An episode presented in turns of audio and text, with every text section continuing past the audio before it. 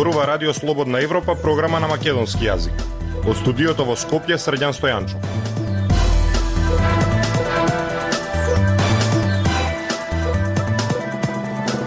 Ја слушате емисијата на Радио Слободна Европа, почитувани. Во неа објавуваме. Политичари кои не си стојат на спорот ја зголемуваат апатијата кај гласачите. Или колективен имунитет или коронавирусот ќе си кружи меѓу народот со години. Додека беа во опозиција им беа добри. Сега СДСМ ги обвинува независните во Битола дека се тројански конј на ВМРО ДПМН. Слушајте ме. Независни вести и анализи за иднината на Македонија. На Радио Слободна Европа и слободнаевропа.мк. Премиерот и лидер на СДСМ Зоран Заев не си остана на зборот за давање оставка. Лидерот на најголемата опозициска партија Христијан Мицкоски пак не го исполни ветувањето за ново парламентарно мнозинство. Начинот на кој комуницираат политичките партии во последниот период во најмала рака е несериозен, вели Жанета Трајковска од Институтот за комуникацијски студии. Односот на политичарите кон граѓаните дополнително ќе влијае на намалување на бројот на гласачи кои не се членови на партиите, велат аналитичари. Фросина Димеска. Оставка од премиерска и лидерска позиција што не се реализира и најава за ново владино мнозинство кои испаднат дека ги нема потребните 61 пратеник.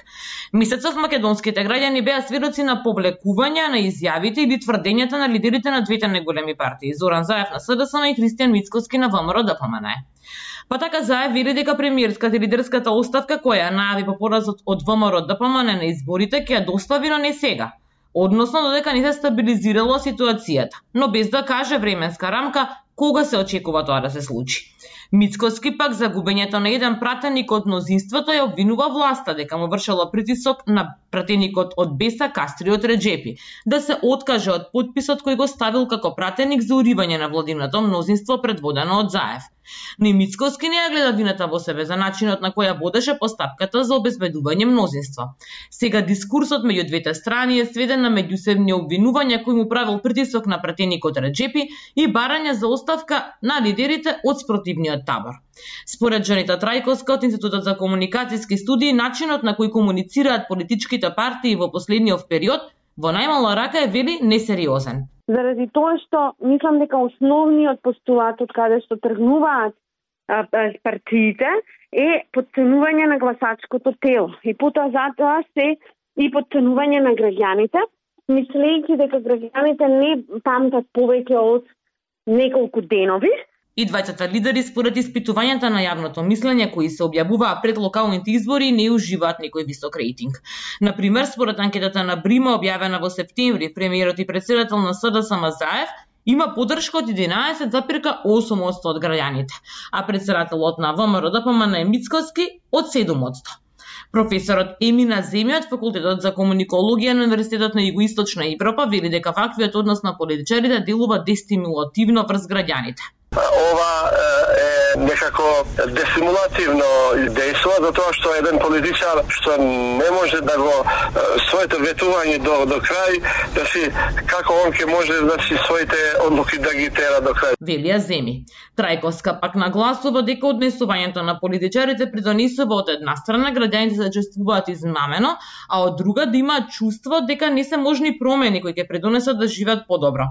Таа смета дека бројот на гласачи кои не се членови на партиите, ако продолжи ваквиот тренд со подценување во комуникацијата, дополнително ќе се намалува, а ќе се зголемува апатијата.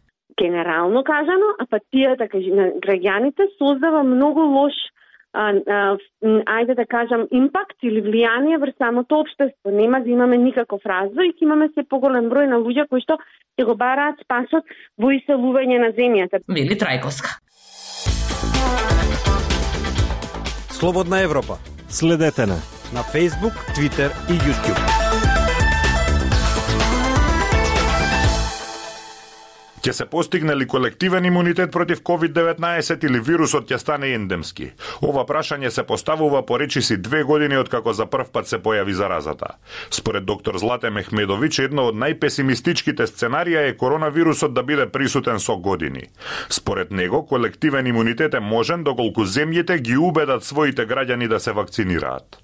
Владимир Калински Додека делта варијантата на коронавирусот зема силен замав во голем дел од светот, научниците ја ставаат под прашање можноста за достигнување на колективен имунитет со вакцинацијата или преку природните инфекции, односно наместо тоа се зборува за можноста вирусот да стане ендемски и да биде присутен значително голем период – Вакцината против COVID-19 е достапна скоро една година. Нивото на вакцинација во земјите е различно, но светов во моментот бележи половина милион инфекции дневно. Доктор Злате Мехмедовиќ од клиниката за пулмологија во Скопје вели дека иако веројатно ќе биде тешко светот да достигне колективен имунитет, тој ја посочува Португалија како позитивен пример на земја која успеала да ги убеди над 80% од своите граѓани да се вакцинираат, доколку тоа се случи и во други земји, тогаш колективниот имунитет ќе биде реалност, вели доктор Мехмедовиќ. Што би било кога не би успеале да создадеме колективен имунитет, да,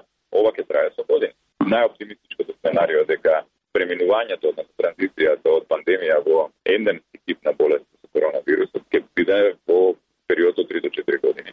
А најпесимистичкото сценарио е вели дека тој период може да трае 30 до 40 години. Ова е една од анализите која што од пред неколку месеци ја направија научници од Соединетите Американски држави. Доктор Мехмедовек вели дека е убеден оти е можно да се постигне колективен имунитет преку вакцините, бидејќи светот ја има потребната технологија и капацитети на глобално ниво.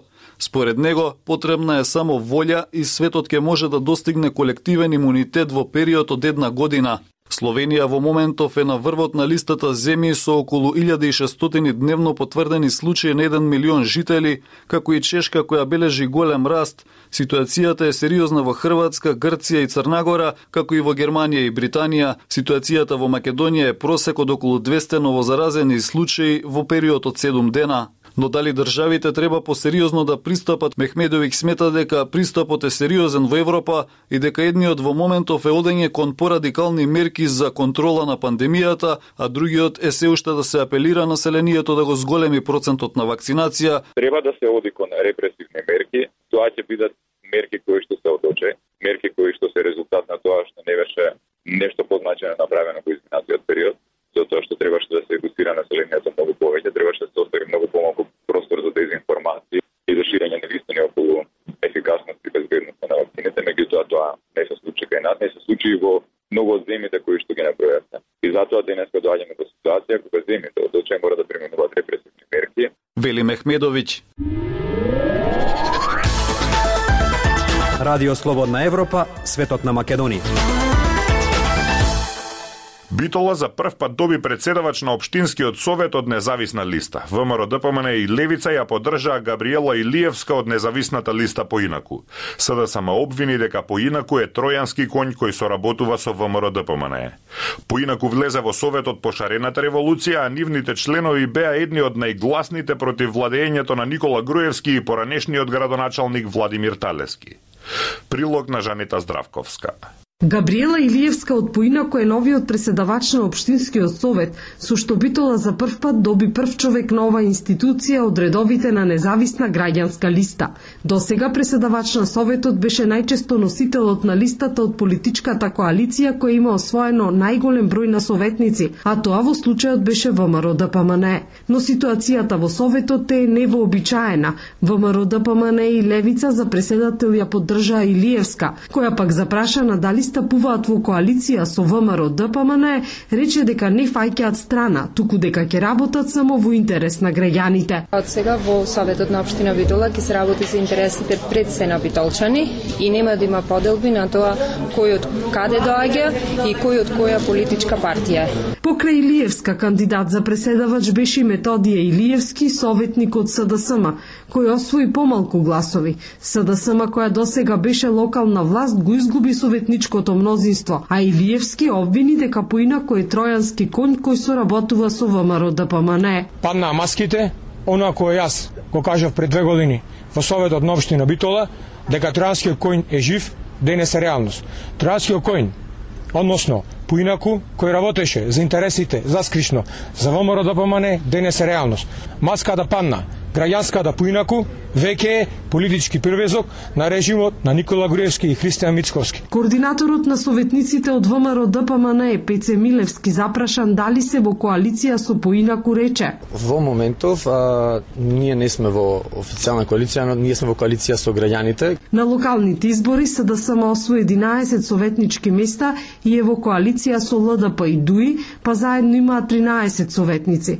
ВМРО ДПМН доби 13 советнички мандати и му беше потребна левица за да го има мнозинството или 15 советници, во случај кога поинак утврди дека не зафаќа страна и покрај тоа што доби преседавач на Советот.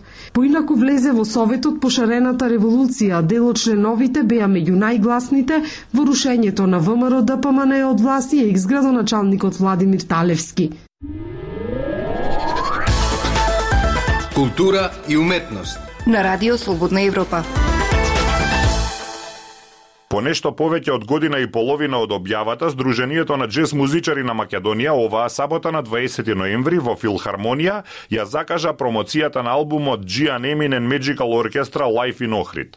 Материјалот е снимен во античкиот театар во Охрид во 2019-та, во пресрет на концертот еве што вели композиторот, инструменталист и диригент Gian Emin. Со него разговараше Лјупчо Јолевски. Чувството пред секој концерт е посебно со голема неизвестност и некако секој концерт како да е прв. Нема комфорна зона и секогаш има многу изненадувања, пријатни и непријатни. Особено кога се работи за мој авторски концерт, има неколку нивоа на суд кои мора да се поминат. Првото, може би најтешкото или најкомплицирано е представувањето пред музичарите или луѓето кои што свират. Треба да се убедат дека музиката е вредна за нивно учество во процесот. Бидејќи во поново време имаме се подобри музичари во оркестрите, нивото на очекување е пораснато кај сите. Публиката која доаѓа на културни настани исто така веќе има истенчен вкус и очекува да има изненадувања, концептуални и секако од аспект на реализација. Некаде во средината сум јас, кој треба да пресекува за сите овие аспекти и процеси и каков правец да се фати, каков звук да се бара, кои инструменти, на која позиција да водат и така натаму. Безброј прашања и дилеми. Одговорот е секогаш кај публиката и тоа е добро. Впрочем, затоа и го правиме ова за да имаме со кого да споделиме. Без публиката сме ништо.